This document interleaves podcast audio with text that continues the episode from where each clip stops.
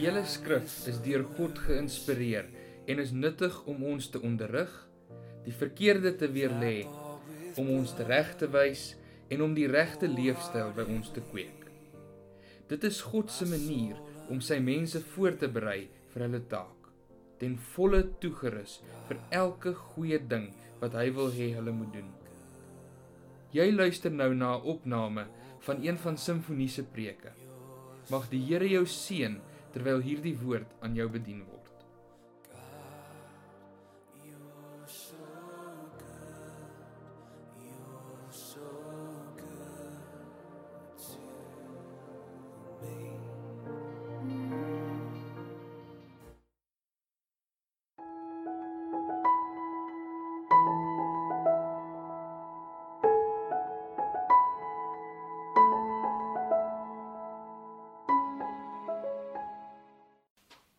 Liewe simfonie familie. Aangesien ons nie vanoggend 'n erediens het nie, ook nie vanaand nie, stuur ons graag hierdie woord van die Here aan jou. Mag dit vir jou 'n seën wees. Mag jy baie daai bid. Kyk dit saam met jou vrou, kyk dit saam met jou gesin, as dit moontlik is saam met jou familie en in die toekoms afhangende van hoe lank hierdie ramptoestand is, kan ons selfs mense vra om dit as groepe saam te kyk. Maar mag die woord van die Here vandag tot jou hart praat en mag jy versterk word en mag dit wat jy daai bid jou hoop gee en moed gee. Ek wil baie graag met jou praat vanmôre soos die Here op my hart gelê het oor hoe om sterk te bly as dinge om jou wankel. Die afgelope tyd sien ons oral beelde op die televisie van verlate strate in die grootste van wêreldstede, Rome, New York, Parys, Londen. Verlate strate. Dit skep amper 'n soort van 'n spookagtige gevoel nooit gedink ons sou so iets sien nie. Gewoonlik is duisende mense daar aan die beweeg. Ons lees ook van aandele beurse wat tuimel. Besighede wat swaar trek, werknemers wat bekommerd is oor die toekoms. Ons sien dat daar panic buying is. As jy in die winkels is, loop mense met trollies wat gepak is dat dit lyk soos Berg Everest. Die wêreld voel so de mekaar. So onwerklik, né? As gevolg van regerings wat wêreldwyd amper drakoniese maatreëls aankondig om mense te beveilig. En dan is daar nog by alles jou persoonlike lewe. En dalk gaan dit op hierdie stadium nie baie goed in jou persoonlike lewe nie. Maar hoe hanteer ek en jy as volgeling van Jesus Christus sulke onseker, sulke onvoorspelbare en en en dramatiese tye? Hoe kan jy sterk bly as alles om jou begin wankel? Hoe kan jy sterk bly as alles rondom jou onseker is. En ek wil graag met jou oor drie dinge praat wat ons kan doen. Die eerste ene is: kies om voluit in God se wil te leef vir jou lewe. Nou ons kry hierdie goeie raad uit die boek Jakobus uit. Hier in hoofstuk 4 vanaf vers 13 tot 16. Jakobus 4 vers 13 wat sê: Kom nou julle wat sê vandag of môre sal ons na die of die stad toe gaan en 'n jaar lank daar bly. Ons sal sake doen en geld maak. Julle wat nie eers weet hoe julle lewe môre gaan wees nie. Julle is maar 'n damp wat 'n oomblik verskyn en dan sommer weer verdwyn. Julle moet eerder sê as die Here wil, sal ons lewe en sal ons dit of dat doen. Maar nou is julle te seker van julleself en julle praat te groot. Al sulke groot pratery is verkeerd. Nou in hierdie stuk wat ons nou uit die woord van die Here hoor, word ons aangemoedig om God se wil bo alles te soek. As jy onseker is om God se wil te soek. In in elke dag se keuses wat ons maak. En ons word uitgedaag om nie ons eie planne en ons eie wil na te jag nie. En ons moet glo dat selfs in 'n ramptoestand soos wat ons nou beleef, die Here steeds 'n plan het. Dat hy steeds 'n wil het. Iets wat ons moet doen, iets wat hy in ons wil doen en iets wat hy deur ons wil doen. En ek wil jou 'n belangrike vraag vra. Wat wil die Here Jesus hê moet jy julle as huwelikspaartjie en julle as gesin in 'n krisistyd soos nou doen? Moet ons net passief wees? Moet ons net veg vir oorlewing? Of is daar ietsie meer wat ons kan doen? Kan jy dalk 'n ander persoon bemoedig met 'n gebed, met 'n stuk uit die woord? Kan die Heilige Gees jou gebruik? Kan jy dalk jou getuienis deel met iemand wat nie so erg aan die Here Jesus glo nie? Mense is vandag so bewus van hulle eie sterflikheid. En is 'n ideale geleentheid om ander te vertel van Jesus en wat hy vir jou beteken. Of kan jy tyd Soos nou waar ons as kerke moeilik byeenkom, moeite doen om ander kinders van die Here te kontak, maak nie saak op watter manier nie en hulle van sy liefde en sy nabyheid te verseker? Of kan julle as as huwelikspaar, as gesin, as familie dalk meer saam bid op hierdie stadium? Wanneer laas het julle om die tafel gesit en saam gesing en die Here groot gemaak? Glo jy dat God ook in tye soos hierdie steeds 'n plan het, 'n wil het? En wat is sy wil nou vir jou? Om in God se wil te wandel, dit maak jou sterk. Moontlik is dit 'n tyd om aan 'n gebroke verhouding te werk. Moontlik is dit 'n ideale tyd om jou verhouding met Jesus te verdiep, meer tyd in die woord te spandeer. Moontlik is dit 'n ideale tyd om bietjie te reflekteer oor jou lewensprioriteite. Om te kyk maar waarin is my lewe regtig op pad? En jouself te vra, is ek nog op pad na die ewige lewe? Of het jy dalk afgedwaal van God se pad? Het jy dalk verdwaal? En is jy op hierdie oomblik dalk op weg na 'n ewigheid sonder God? Dalk het jy onafhanklik van die Here begin leef. Die skrywer Jakobus herinner jou dat jy maar 'n damp is wat vinnig verdwyn. Een oomblik hier en oomblik nie meer nie. Ons lewens is maar kort, broos, verganklik. Eintlik is ons so sterflik. Daarom, liewe kind van God, moenie met jou rug gedraai na Jesus Christus toe leef nie. Moenie met 'n hart wat koud, ongevoelig en afsydig teenoor Jesus is, waag om die ewigheid in te gaan nie want is alleen in 'n liefdevolle, gehoorsame geloofsverhouding met Jesus dat ons seker kan wees dat ons die toekomstige, die verskriklike en die vreesaanjaende oordeel van God sal ontvlug. Want alleen in Jesus is redding te vind. Kan ek jou vandag die volgende vraag vra? Wat dink jy is die Here se wil op hierdie oomblik vir jou? Kan jy die volgende aan die Here vra? Here, wat is U wil vir my op hierdie oomblik in 'n tyd soos hierdie? En as jy dit bid, dan doen jy eintlik wat Jesus gedoen het in die tuin van Getsemane, waar hy gebid het. Laat nogtans nie my wil geskied nie, maar U wil. Ons lees daarvan in Lukas 22 vers 42. Hy het God, sy Vader, se wil gesoek vir sy lewe. Gee jou in hierdie tyd volkome aan die Here. Maak jou hart heeltemal vir hom vir hom oop. Laat hy heers in jou lewe. Niks maak jou geestelik so sterk as om in die wil van God te lewe nie. Draai jou rug op 'n selflewe en begin weer vir Jesus te lewe. Dalk was dit 'n tyd dat jy lou geword het, maar dis nou 'n tyd om te sê, Here, nie meer nie. Ek wil sterk wees in U.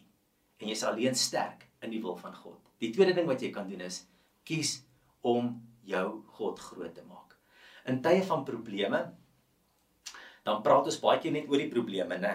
Ons praat oor siektes. Ons praat oor ons finansiële probleme. Ons praat oor verhoudingsprobleme. En ons maak hierdie dinge so groot in ons gesprekke. Maar dan verdwyn ons vrede en ons fokus word gesteel. Want onthou dit wat jy groot maak in jou denke en in jou woorde, dit gaan jou keuses, dit gaan jou optredes, dit gaan jou emosies bepaal. Daarom moedig die Bybel ons so aan om eerder die Here groot te maak en ander te nooi om hom saam groot te maak. Kyk wat sê Psalm 34 vers 3 in die ou vertaling. Maak die Here saam met my groot en laat ons saam sy naam verhef. Wanneer jy die groot wanneer jy die Here groot maak in jou gedagtes en woorde, groei jou geloof en beweeg jou fokus na God toe. Maar as jy altyd oor jou probleme praat en die moeilikheid, dan beweeg jou gedagtes en jou woorde weg van God af en praat jy jouself eintlik in 'n soort van 'n swartgalligheid in. Praat oor God, praat oor sy grootheid. Dit maak jou sterk. Want dit wat jy groot maak, dit gaan jou lewe beheer, dit gaan jou lewe beïnvloed. Kies vandag om Here groot te maak in jou woorde, in jou denke en die wyse wat jy optree. Die Here wil so vir ons laat verstaan dat hy groot is. En in sy woord sê dit oor en oor vir ons. Psalm 104 vers 1 sê: Ek wil die Here loof. Here my God, U is baie groot. Deuteronomium 7 vers 21 sê: Moenie vir hulle bang wees nie want die Here is jou God en hy's by jou En hy's 'n groot en hy's 'n magtige God. In die tyd wat voorlê, maak tyd om Here groot te maak. Saam met hierdie boodskap gaan jy notas kry wat vir jou verse gaan gee oor die grootheid van God. Gebruik dit in jou gebedslewe. In plaas daarvan om jou probleme groot te praat, praat God groot in jou lewe. Dan die derde ding wat jy kan doen, kies om blymoedig te leef. Ja, die lewe is onvoorspelbaar, soms onregverdig. Slegte dinge gebeur nie net met wêreldlinge nie. Dit gebeur maar met ons ook. Kyk nou in hierdie omstandighede wat ons nou is. Maar as kinders van die Here kan ons egter met die kragtige bystand van die Heilige Gees die lewensgesindheid waarmee ons leef kies. En die woord van die Here beveel ons, luister mooi, maak nie 'n aanbeveling nie, maar beveel ons om ons in die Here te verbly. Nou die volgende vers word in bevelsvorm geskryf. Dit is soos 'n generaal wat vir sy troepe op die weermagveld sê: "Hey, maak so." En ons kry hierdie opdrag uit die woord van die Here. Filippense 4 vers 4. Wees altyd bly in die Here. Ek herhaal, wees bly. En dan herhaal hierdie opdrag in 1 Tessalonisense 5 vers 16. Wees altyd bly. En ek en jy kan ons derendtyd verbly in die Here want hy's getrou teenoor jou. Kyk wat staan in Psalm 36 vers 6. Here, u liefde reik tot aan die hemel en u trou tot in die wolke. Ek en jy kan ons verbly in die Here want hy is so versorgend teenoor ons. Deuteronomium 32 vers 10 sê: Die Here het sy volk omhels, hom vertroetel en versorg soos die appel van sy oog. Ek en jy kan ons verbly in die Here want hy's beskermend oor ons. Kyk wat sê Jesaja 31 vers 5. Soos voëls beskermend oor hulle neste sweef, so sal die Here die Almagtige die skild oor Jerusalem wees. Jerusalem is 'n simbool van die kerk, van die kinders van die Here. Hy sal beskermend verbykom en hy sal hulle red en hy sal hulle bevry. Ek en jy kan ons verbly in die Here want hy's ontfermend oor ons. Klaagliedere 3 vers 21 sê: "Maar dit sal ek ter harte neem en om die rede sal ek bly hoop. Deur die liefde van die Here het ons nie vergaan nie. Daar is geen einde aan sy ontferming nie. Dit is elke môre nuut. U trou is groot. Ek en jy kan ons verbly in die Here want die Heilige Gees, die Gees van blydskap is in ons. Kyk wat sê 1 Tessalonisense 1 vers 6. In baie moeilike omstandighede het julle die woord aangeneem met 'n blydskap wat van die Heilige Gees kom. As kind van die Here beleef ons ook saam met die wêreld dan slegte omstandighede. Daar storm water om ons. Maar weet jy julle, 'n boot kan op water vaar. 'n Boot kan selfs op stormwater vaar. Maar dis wanneer daardie daardie stormwater in die boot inspoel dat die gevaar begin, dat die boot kan sink. En daarom leef ek en jy in tye van stormagtigheid. Maar ons moet dit buite hou want as hierdie stormagtigheid in my hart inkom, dan gaan ek swak raak. Dinge gaan my begin oorweldig. Blydskap is die wapen wat ons het om hierdie water buite te hou. Daarom sê Nehemia 8 vers 10 in die 1953 vertaling: "Want die blydskap in die Here, dit is julle beskutting." Dit hou die stormagtigheid buite. Daarom in hierdie tyd waar alles wankel, kan ek en jy sterk wees deur drie allerbelangrike keuses te maak. Nommer 1: Ons moet kies om voluit vir die Here te lewe binne in die wil van God is ek sterk. Ek moet kies om die Here groot te maak, nie my omstandighede nie, dinge rondom my nie. Praat oor God en sy grootheid. Ek praat met my vrou daaroor, met my kinders daaroor. Maak hulle sterk. En die derde ding, ek kies om bly moedig te leef. Ek laat nie toe dat hierdie stormwater binne my hart inspoel nie. Ek verbly my in die Here. Dis my beskutting. My boot bly veilig op die water. En ons kan God se mense wees. God se oorwinnende mense wees in 'n tyd soos hierdie. Baie dankie dat jy na hierdie woord geluister het. Ek wil jou vra om net daar waar jy sit, jou oë toe te maak en ek wil graag hierdie seën oor jou uitspreek. Dis 'n seën interessant wat uit God se mond self kom. Die Allerhoogste God wat met sy woorde geskep het. En hoor wat sê Jesaja 41 vers 10. Ontvang vandag hierdie seën. Wees nie bevrees nie, want ek is met jou. Kyk nie angstig rond nie, want ek is jou God. Ek versterk jou. Ook help ek jou. Ook ondersteun ek jou met my reddende regterhand. Mag die Here jou seën. Groete tot ons mekaar weer sien. Oh, sing it to him, sing God, you're so. Oh, God. Dit is ons opregte wens dat hierdie boodskap jou geïnspireer het om elke dag te streef om liewer vir God, liewer vir jou gemeente en liewer vir die gemeenskap rondom jou te word. As jy meer wil uitvind oor simfonie en wat daar gebeur, besoek gerus www.simfonie.co.za. Mag die Here jou seën.